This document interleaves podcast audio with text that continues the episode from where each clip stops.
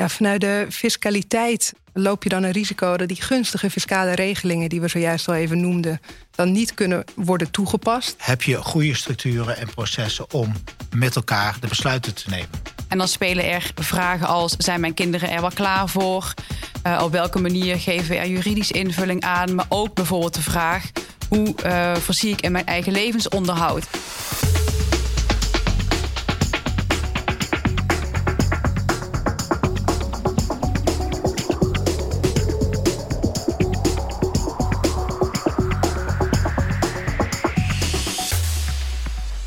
Welkom bij Tackling. In deze podcastreeks van Loyens en Loef onderzoeken we de zakelijke, juridische en fiscale gevolgen van maatschappelijke en economische trends voor bedrijven. Ik ben Eline Ronner en in deze aflevering duik ik in de wereld van familiebedrijven. We gaan het hebben over bedrijfsopvolging. Want wie gaat mijn familiebedrijf voortzetten? Wat is er voor nodig om dat een succes te maken? En wat zijn de juridische en fiscale implicaties daarvan? We praten deze keer met Albert-Jan Thomassen, directeur van netwerkorganisatie Familiebedrijven Nederland, FBNet is dat, en met Pleunie Visser en met Yvonne Pijpers.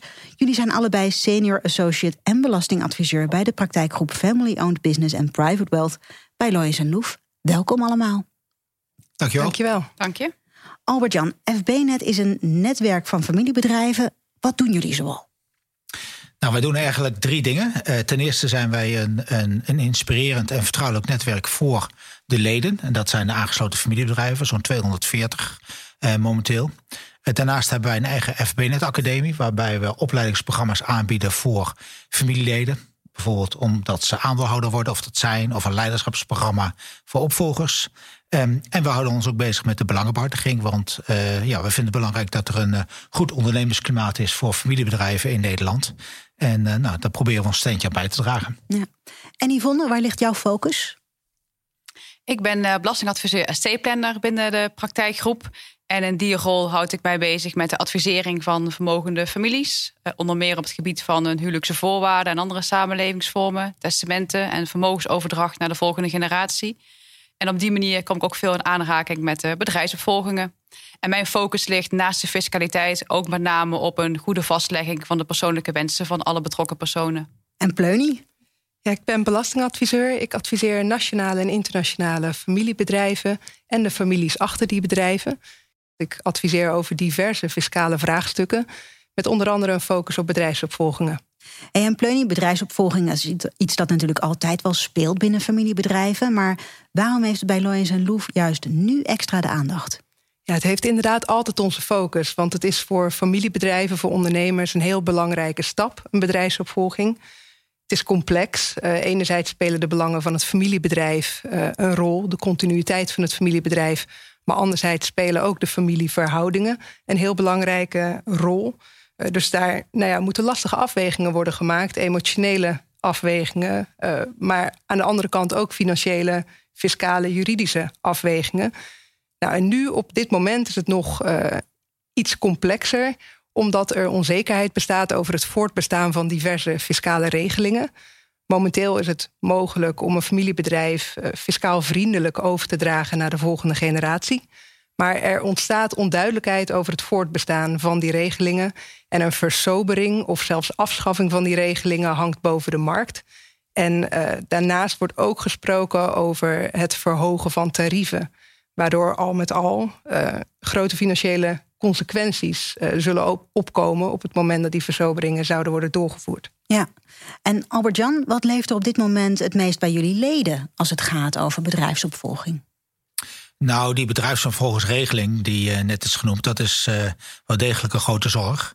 En wat de kern van die regeling, ook doel van die regeling, is dat de continuïteit van het familiebedrijf gewaarborgd is.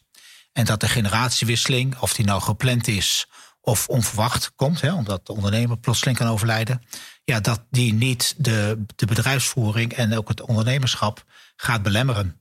Hè, en uh, ja, daar leven we momenteel best wel grote zorgen over. En uh, Yvonne, kun je iets meer vertellen over hoe zo'n bedrijfsopvolgingstraject er eigenlijk uitziet? Ja, dat kan zeker. Natuurlijk is dat bij iedere familie anders. Iedere familie staat er anders in. Maar wat we in de praktijk al vaak zien, is dat er op enig moment uh, in het leven van een ondernemer het moment komt dat hij graag afstand wil gaan nemen van zijn bedrijf. En dat hij graag de kinderen actief erbij wil gaan betrekken. Soms komt het initiatief daartoe ook van de kinderen zelf. Dat ze zelf willen investeren in hun toekomst bij het familiebedrijf. En het is vooral belangrijk dat de familie met elkaar overleg voert over wat zij belangrijk vinden als familie. Hoe ze de toekomst van het familiebedrijf zien. En welke waarden ze daarbij eh, belangrijk vinden. En als je met elkaar in gesprek bent daarover, dan zie je ook direct verschillende mogelijkheden die er zijn. Bijvoorbeeld dat overdracht aan de kinderen niet direct betekent dat kinderen ook de leiding moeten krijgen in dat bedrijf. Die leiding kan best nog wel prima bij iemand anders liggen. En dat kan ook best wel een niet-familielid zijn.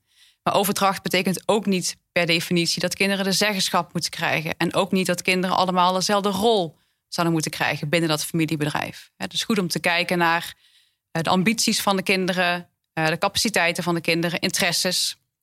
En dat je ook oog hebt voor eh, generaties daarna. Dat je niet, je niet beperkt tot één generatie. Nou, bij ons in de praktijkgroep ligt de focus bij overdracht binnen de familie. Uh, maar uiteraard denken we ook graag mee aan uh, naar mogelijkheden uh, voor overdracht aan derden. en soms zie je ook wel een combinatie daarvan. Hè, overdracht binnen de familie, waarbij ook werknemers participeren. omdat je die werknemers voor langere tijd aan je familiebedrijf wilt binden. en als je met elkaar hè, als familie en als adviseurs over dit soort onderwerpen hebt gesproken, dan komt het erop aan dat je een structuur zoekt die daar fiscaal en juridisch bij past. En dat je het ook goed documenteert. En Albert-Jan, hoe kijk jij nou naar zo'n opvolgingstraject? Het meeste tijd gaat eigenlijk zitten in het bewust worden. En het met elkaar, hè, wat, wat ook al werd aangegeven, met elkaar overleggen van uh, ja, wat willen we eigenlijk, wat voor scenario's zijn er, uh, hè, waar word ik vrolijk van, wat, wat is ook een, hè, wat ervaren we misschien ook als een last. Uh, en dan ga je op een gegeven moment ja, ga je dat regelen en uiteindelijk ook de, de juiste structuren daarbij zoeken. Nou, om dat allemaal goed te kunnen doen, um, is eigenlijk wat dan zo mooi heet, de governance van het familiebedrijf, is eigenlijk essentieel. En dat wil eigenlijk zeggen, heb je goede structuren en processen om met elkaar de besluiten te nemen. Om de zeggenschap op een goede manier op een gegeven moment over te dragen aan de volgende generatie. Want als je dat goed ja, uh, hebt ingericht, dan is dat gesprek over die bedrijfsvervolging wordt ook makkelijker. En dan wordt, het, en, dan wordt het ook makkelijk om te weten wat je wilt. En ja, waar je dan ook uh, externe deskundigen voor inschakelt. om het uiteindelijk ook goed uh, te begeleiden. Ja, want Pleunie zou je eens kunnen schetsen. wat eigenlijk de risico's zijn als je dat als familiebedrijf niet goed regelt. Ja, vanuit de fiscaliteit uh, loop je dan een risico dat die gunstige fiscale regelingen, die we zojuist al even noemden, dan niet kunnen worden toegepast. Simpelweg omdat bijvoorbeeld niet aan de voorwaarden wordt voldaan. Nou, als dat het geval is, dus die faciliteiten kunnen niet worden toegepast, um, dan moeten er over het algemeen uh, hoge bedragen aan belasting worden betaald. En die belastingafdracht, ja, die moet gefinancierd worden. En wij zien in de praktijk dat de ondernemers zelden in privé beschikken over voldoende geld om die belasting te betalen. Dus waar ze dan mee worden geconfronteerd, is dat zij gelden uit het familiebedrijf moeten vrijmaken. Dus dat moeten zij onttrekken uit het bedrijf. Uh, om die belasting in privé te kunnen betalen. Nou, op het moment dat we die uh, gelden onttrekken aan het familiebedrijf, dan kan dat natuurlijk negatieve impact hebben op bijvoorbeeld investeringskracht, op um, werkgelegenheid en puntje bij paaltje op continuïteit van het familiebedrijf. Dus dat kan uh, problematische gevolgen hebben. Ja, dat klinkt inderdaad best, best pittig. Albert-Jan, zie je als in de praktijk dat ook wel doordat opvolging niet goed geregeld is, dat uh, echt continuïteit in het, uh, in het geding komt? Ja, zeker. Uh, nou, het belangrijkste is inderdaad, kijk, de meeste familiebedrijven, die families die laten de winst zoveel mogelijk in het bedrijf zitten. Dus dat betekent dat er relatief weinig privévermogen wordt opgebouwd. En uiteindelijk, een bedrijfsvervolgingsregeling is een vrijstelling op schenk- en erfbelasting, of in ieder geval een gedeeltelijke vrijstelling. Maar ja, schenk- en erfbelasting, dat zijn privébelastingen. Dus dat moet eerst uit het bedrijf gehaald worden. Uh, nou, en, en als het meeste geld in het bedrijf uh, vastzit, hè, kan dat niet zo makkelijk. Uh, dus dat is ja, wel degelijk een, een groot probleem. Wat zie ik dan in de praktijk het meest voorkomen? Is dat op een gegeven moment toch een gedwongen verkoop. Dat er eigenlijk geen andere keuze is. gisteren sprak ik met een familiebedrijf, die, eh, ja, die, die hebben eigenlijk dat nu meegemaakt. Ehm, omdat ze niet in staat uh, zijn geweest om, uh, ja, om, om familieleden uit te kopen in dit geval. Ja, en dan ben je gedwongen om naar een externe aanlouder te gaan. En dat wil je uiteindelijk niet. En sterker nog, zeker als je kijkt nu naar de huidige markt, ook met met name middelgrote en grotere familiebedrijven. Ja, verkoop betekent ook vaak ook verkoop aan een buitenlandse partij. En dan gaat eigenlijk, ja, gaat er toch een stukje ondernemerschap in Nederland, wordt in ieder geval ingedampt of, of verdwijnt zelfs. en dat is ook als FB-net vinden we het belangrijk dat familiebedrijven ja, ook in Nederland blijven voor werkgelegenheid, voor innovatie. Maar ook gewoon om ons verdienvermogen van Nederland op peil te houden. Ja, ik heb wel eens gehoord dat je als familiebedrijf al zo'n vijf à tien jaar uit moet trekken voor een heel opvolgingstraject. Dat klopt. Op welk moment ga je dan eh, doorgaans eigenlijk een adviseur inschakelen? Nou, er zijn eigenlijk verschillende momenten. Hè. Ook, ook als je net die uh, over begint na te denken, is het al wel goed om je te oriënteren en te kijken van joh, wat zijn de vragen die ik zou kunnen of moeten beantwoorden? Wat voor mogelijke scenario's zijn er? Nou, en daar zie ik dat families ook zeggen, nou, op dat moment is het al verstandig, ja, daar haal ik ook externe hulp bij. Uh, hè, dus dat, dat, dat is al zo'n fase. Ja, en dan op een gegeven moment, als er wat keuzes beginnen te ontstaan, of je wilt goed doorrekenen als het ware en doordenken van wat zijn de consequenties van bepaalde scenario's. Ja, daar heb je ook expertise van buiten voor nodig te zijn. Maar heel weinig familiebedrijven zie ik die dat volledig zelfstandig doen of kunnen doen. Ja, Yvonne, kun je ook iets meer vertellen over op welk moment doorgaans familiebedrijven bij je komen met vragen over opvolging en wat voor vragen dat dan zijn? Nou, wat je ziet is hè, eigenlijk wat, al wat Jan ook aangeeft, dat het wel vaak uh, nou, de ondernemer op leeftijd is. Um, uh, ook omdat hij voor die tijd overdracht nog te vroeg vindt. Kinderen moeten er ook klaar voor zijn. Hè, dus het gaat vaak op ondernemers die al een beetje op leeftijd zijn. En dan spelen er vragen als: zijn mijn kinderen er wel klaar voor? op welke manier geven we er juridisch invulling aan? Maar ook bijvoorbeeld de vraag: hoe voorzie ik in mijn eigen levensonderhoud? Hè? Want als ik een bedrijf overdraag, dan ben ik toch potentieel mijn pensioenpot kwijt. En de vraag is dan, ja, hoe zorg ik ervoor dat ik in mijn eigen levensonderhoud kan blijven voorzien? Ja, en nu zijn er ook al een aantal regelingen hè, waar je gebruik van kunt maken als, als familie om, om het bedrijf over te dragen fiscaal vriendelijk. Um, Pleunie, zou je ons even snel door een aantal van die regelingen heen kunnen loodsen? Ja, zeker. De wetgever die heeft inderdaad uh, verschillende regelingen in het leven geroepen. Zodat die familiebedrijven uh, zonder fiscale belemmeringen het bedrijf kunnen overdragen naar de volgende generatie. En zodat de continuïteit van dat familiebedrijf ook gewaarborgd wordt. Nou, als we focussen op de inkomstenbelasting en de schenk- en erfbelasting, dan uh, kennen we in de inkomstenbelasting een zogenoemde doorschuifregeling. Dat houdt in dat uh, de ondernemer die het familiebedrijf overdraagt aan de volgende generatie niet in één keer 26,9% inkomstenbelasting hoeft af te dragen, maar dat de overdracht is vrijgesteld van inkomstenbelasting. Het is echt wel een doorschuiffaciliteit. Dus die belastingclaim die nu niet wordt belast, wordt nog wel doorgeschoven naar de volgende generatie. Dus wij noemen dat uh, fiscaal een uitstelregeling. Geen afstel. nee, geen afstel helaas. Dat is anders voor de erf- en de schenkbelasting. Daar kennen we ook een regeling, de bedrijfsopvolgingsregeling. Op het moment dat die niet van toepassing is, dan zullen de verkrijgers van het familiebedrijf uh, bij de ouder- en kindrelatie 20% uh, schenk- of erfbelasting moeten betalen. Mocht de bedrijfsopvolgingsregeling wel van toepassing zijn, dan wordt dat tarief effectief verlaagd tot maximaal 3,4% dus dat uh, heeft een gigantische impact. Want zonder die faciliteiten kan de totale belastingheffing dus al snel oplopen tot bijna 50% van de bedrijfswaarde. Dus in de praktijk uh, heeft het gigantisch veel impact als die faciliteiten niet kunnen worden toegepast. Ja, Pleunie, die voorwaarden die klinken toch best star. Kan ieder familiebedrijf daar zomaar een beroep op doen? Uh, nee, helaas niet. de wetgever die heeft vele voorwaarden gekoppeld aan die regelingen. Enerzijds dat alleen reële bedrijfsopvolgingen worden gefaciliteerd, maar ook om misbruik tegen te gaan. Ehm, de belangrijkste voorwaarde overal, dus voor de inkomstenbelasting en de schenk- en erfbelasting, is dat het moet gaan om ondernemingsvermogen wat wordt geschonken. Dus uitsluitend ondernemingsvermogen kan gefaciliteerd overgaan naar de volgende generatie. En passief beleggingsvermogen niet. En dan kun je bijvoorbeeld denken aan overtollige liquide middelen of passief verhuurd vastgoed. Die uh, activa die vallen niet onder de regeling, dus daarover zal regulier moeten worden afgerekend. Nou, voor de inkomstenbelasting kennen we natuurlijk de doorschuifregeling. En daarvoor geldt een dienstbetrekkingseis. Inhoudende dat de kinderen 36 maanden voorafgaand aan het verkrijgen van het familiebedrijf al in dienst moeten zijn.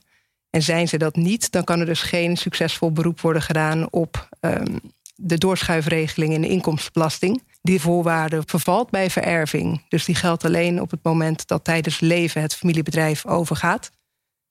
Nou, andere belangrijke voorwaarden voor de bedrijfsvervolgingsregeling in de erf- en schenkbelasting zijn dat uh, er een bezitseis geldt, inhoudende dat de ondernemer vijf jaar voorafgaand aan de bedrijfsopvolging uh, de aandelen in het familiebedrijf moet houden. En het familiebedrijf moet gedurende die periode ook een onderneming hebben gedreven en dezelfde onderneming hebben gedreven. Na de bedrijfsopvolging moeten de verkrijgers de aandelen nog vijf jaar aanhouden. En ook gedurende die termijn moet het familiebedrijf worden voortgezet. Dus al met al een flinke periode dat dat familiebedrijf um, ja, dezelfde onderneming moet drijven. En die uh, voorwaarde wordt in de praktijk soms rigide uitgelegd. Dus wat dat betreft is een goede voor, voorbereiding noodzakelijk. Ja, ja, klinkt toch wel best uh, strikt. Albert-Jan, hoe kijk jij naar die regelingen? Nou, kijk, op zich is het op dit moment uh, uh, een goede regeling met een aantal knelpunten. Zo, uh, zo zou ik het willen beoordelen. Als je hem vergelijkt, zeg maar in Europa, hè, hoe is het in andere landen geregeld, dan hebben wij niet de beste regeling, hè, maar we hebben wel de op één na slechtste regeling. Dus als die verder versoberd zou worden, dan hebben we denk ik nog een groter probleem in, met familiebedrijven. Ehm, dus dat, dat is uh, wel een punt. En een knelpunt uh, die er bijvoorbeeld nu in zit, is dat zie je met name met familiebedrijven die meerdere activiteiten hebben, maar die ook in hele dynamische markten zitten. Nou, die zeggen soms van we moeten een bedrijfsonderdeel verkopen. Of we willen, een, hè, we willen juist een bedrijfsonderdeel bijkopen. Nou, uh, wat net al werd genoemd, die voortzettingstermijn van vijf jaar zit dan heel erg in de weg. Want dan ga je bijvoorbeeld, nou, de opvolger heeft het overgenomen. En over twee jaar zegt hij, nou, we verkopen een bedrijfsonderdeel. Dan moet hij daar ineens alsnog over afrekenen. Nou, dat is een knelpunt waarvan wij vinden dat uh, dat, dat zou eigenlijk uh, opgelost moeten worden door het niet alleen op een individuele uh, vennootschapsniveau te bekijken, maar gewoon eigenlijk naar het totaal van het familiebedrijf, het concern. Ja. He, en dat is op het niveau waarop je dan die, die borg zou, zou moeten toepassen. dat is een punt. Een ander knelpunt wat er nu in zit, is dat en dat zie je met name bij grotere en oudere familiebedrijven, die veel familieleden als aandeelhouders hebben. Uh, waarbij uh, ja, de, de, zeg maar de, een individueel familielid heeft nog maar zo'n klein belang, dat dat eigenlijk uh, te klein is om nog onder de borg te vallen. En dan moet er ineens wel volledig afgerekend worden hè, met schenk- en erfbelasting. En nou, dat is ook een ander knelpunt. Dus eigenlijk zou je moeten zeggen, voor dat soort familiebedrijven zou je een soort aanvullende toets kunnen maken hè, bovenop de borg die zegt van oké, maar dit is wel een echt familiebedrijf. Het is ook een echte onderneming. Uh, ja, en die moet wel gefaciliteerd worden in zijn continuïteit. En Yvonne, veel familiebedrijven hebben ook vastgoed. Hoe wordt daar eigenlijk naar gekeken? Ja, dat is een goede vraag. De vraag is of dat vastgoed ook uh, als actief ondernemingsvermogen is uh, aan te merken om de faciliteiten deelachtig te kunnen worden. En het antwoord van die vraag is: ja, dat hangt er eigenlijk vanaf of het actief ondernemingsvermogen is. In de praktijk bestaat daar veel discussie over, onder andere met, uh, met de Belastingdienst. Uh, het is eigenlijk meestal wel duidelijk voor vastgoed dat hè, echt in het bedrijf wordt gebruikt. Uh, dat wordt over het algemeen wel aangemerkt als actief ondernemingsvermogen. Maar voor ander vastgoed kan daar zeker verschil van mening over bestaan. Ja, ja. En Pleunie, stel het is niet mogelijk of het is niet wenselijk om het familiebedrijf gefaciliteerd over te dragen aan een volgende generatie. Zijn er dan ook nog alternatieven om wel kinderen alvast te laten participeren? Ja, er zijn diverse alternatieven. En dat is ook weer maatwerk wat bij welke uh, ondernemer past. Wat wij in de praktijk regelmatig zien is dat ehm, de aandelen van, in het familiebedrijf en het bezit blijven van de ouders. Uh, dus zij blijven eigenaar van het familiebedrijf, maar dat de toekomstige uh, waardevermeerderingen, de toekomstige rendementen, al deels toekomen aan de volgende generatie. In de praktijk wordt het wel eens de boom met de vruchten genoemd. Dus de boom die blijft achter bij de ouders en een deel van de vruchten gaat in de toekomst naar de kinderen. En op die manier kunnen de kinderen langzaam ingroeien in het familiebedrijf. Nou, en nog los van juridische structuren is het uiteraard ook altijd mogelijk om je kinderen gewoon actief te betrekken bij het familiebedrijf middels stages, uh, bijwonen van belangrijke vergaderingen, opleidingen. Of juist uh, de wens dat de kinderen eerst een periode bij een ander bedrijf uh, komen te werken. voordat zij in het familiebedrijf een functie zullen gaan bekleden. En Yvonne, volgens mij stipte je het al eventjes aan, hè, maar betekent de overdracht van het familiebedrijf ook meteen dat de ouders dan ook de zeggenschap over het familievermogen verliezen? Uh, nee, dat is niet het geval. We zien in de praktijk heel vaak de wens van ouders dat ze best wel willen overdragen, daar op enig moment aan toe zijn, maar toch nog wel al dan niet tijdelijk zelf de zeggenschap uh, willen houden. En dat doen ze om het familievermogen, ja, te, eh, dat willen ze graag beschermen. Uh, in de praktijk passen we dan vaak het systematiek van certificering toe. En dat houdt inderdaad in dat de ouders de zeggenschap houden, maar het economische belang bij het vermogen wel al direct toekomt aan de kinderen. Um, en wat wij dan als adviseurs mee willen geven aan, aan die ouders, is dat zij nadenken over wie hun rol gaat vervullen als die ouders er zelf niet meer zijn of zelf die rol niet meer kunnen invullen. Dus ouders kunnen dan nadenken aan opvolgers. Uh, maar we vinden het ook belangrijk dat ouders nadenken over de vraag: uh, wanneer zijn onze kinderen er eigenlijk wel zelf aan toe? Hè, welk moment zou dat kunnen zijn? En hè, kijken we dan bijvoorbeeld naar de leeftijd van de kinderen? Speelt die nog een rol? Moeten de kinderen een minimale periode in het bedrijf werkzaam zijn geweest. Uh, en ook dan kun je kiezen voor een variant waarbij de zeggenschap uiteindelijk deels bij de kinderen ligt. En al dan niet aangevuld met deskundige derden die de kinderen kunnen ondersteunen daarbij. Ja. ja, een trend die ik daarbij zie, dat steeds meer families dus ook wel bewust zeggen van op een gegeven moment moet die zeggenschap overgedragen worden, maar we moeten onze kinderen er ook op voorbereiden. Ja. en dus er wordt steeds meer families die, die actief als het ware ja, tijd investeren. Uh, zorgen dat kinderen uh, opleiding kunnen volgen om zich voor te bereiden op uiteindelijk niet alleen dat aandeelhouderschap of certificaathouderschap, maar ook dus straks om die verantwoordelijkheid en dus de zeggenschap op een goede manier over te kunnen nemen. Ja, ja. Is dat wat jou betreft, Albert-Jan, ook eigenlijk het belangrijkste naast alle juridische en fiscale niet-to-knows die we hier nu hebben gehoord, het belangrijkste dat familiebedrijven zich moeten realiseren met betrekking tot opvolging? Uh, je bedoelt die, die voorbereiding, daar ja. zeg, tijd voor nemen? Ja, en dat uh, zeker uh, is dat het belangrijkste. Ja, ik noem het ook wel eens, hè, als je even kijkt, steeds meer familiebedrijven zeggen ook gewoon, als het gaat om opvolging in de leiding, je moet gewoon de beste mensen hebben zitten. En als dat niet in de familie is, trekken we ze van buiten aan.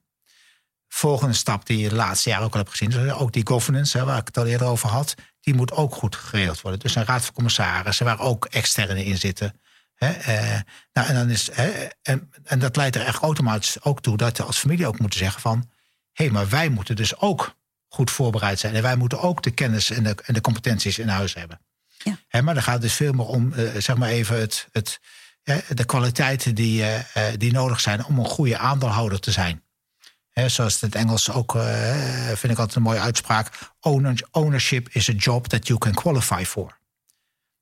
Daar zit dus een profiel bij en daar zitten ook competenties eh, aan vast. Daar zit ook opleiding en voorbereiding aan vast. Ja, ja, nou wel mooi dat je dat inderdaad zo, uh, zo zegt. Ja, ja, is het ook zo dus dat je dan eigenlijk als familiebedrijf redelijk genadeloos moet zijn ten opzichte van je familieleden in, in, in eigenlijk de selectie in wie gaat, gaat voortzetten?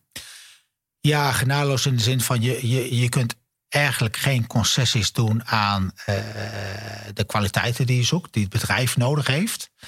Hè? Uh, ja, en als die er gewoon niet zijn, dan moet je buiten de familie kijken. Maar minstens zo belangrijk is, is hè, naast de kwaliteit, is ook wil een opvolger het echt. Want als je het niet zelf ook echt wilt, hè, om, om die verantwoordelijkheid als directeur of als ondernemer over te nemen, dan ga je vroeg of laat loop je tegen uh, barrières op. En daar is even los van wat het ook doet met de persoon zelf, maar er is ook het bedrijf niet bij gebaat. En het draagt meestal ook niet bij aan een goede sfeer in de familie. Nee. Nou, dat uh, lijkt me inderdaad een hele belangrijke afsluiter, inderdaad. Uh, Yvonne, heb jij tot slot nog één belangrijkste tip die je mee zou willen geven? Nou, wat ik nog wel een belangrijke toevoeging vind. Uh, we hebben het hier over vermogensoverdracht naar de volgende generatie. Uh, en de bescherming van het vermogen is daarbij gewoon een heel belangrijk item voor uh, ouders. Dat geldt eigenlijk voor ieder vermogensbestanddeel dat ze overdragen. maar specifiek ook voor aandelen in een, in een familiebedrijf.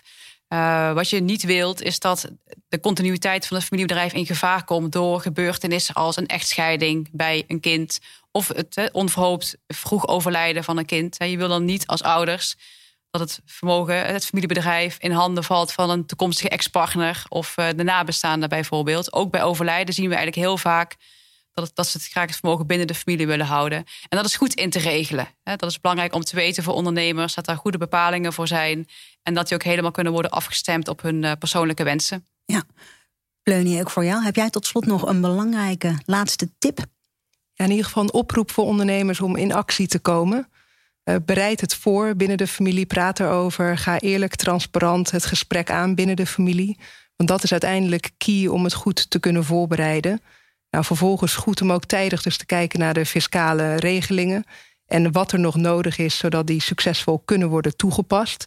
En ik kan me voorstellen voor familiebedrijven die nu al voldoen aan alle voorwaarden, kan de onzekerheid een reden zijn om nu vervroegd te gaan overdragen. En uh, die fiscale faciliteiten ten volste te benutten om zo ook bij te dragen aan de continuïteit van het familiebedrijf. Helder. Yvonne, Pleuny, Albert-Jan, Hartelijk dank voor dit gesprek. En wil je nou meer weten over bedrijfsopvolging en de juridische en de fiscale aspecten daarvan? Ga dan naar de website van Lois Loef, want daar vind je hoe je ook in contact kan komen met Leunie Visser en met Yvonne Pijpers. Dank voor het luisteren en tot de volgende tackling.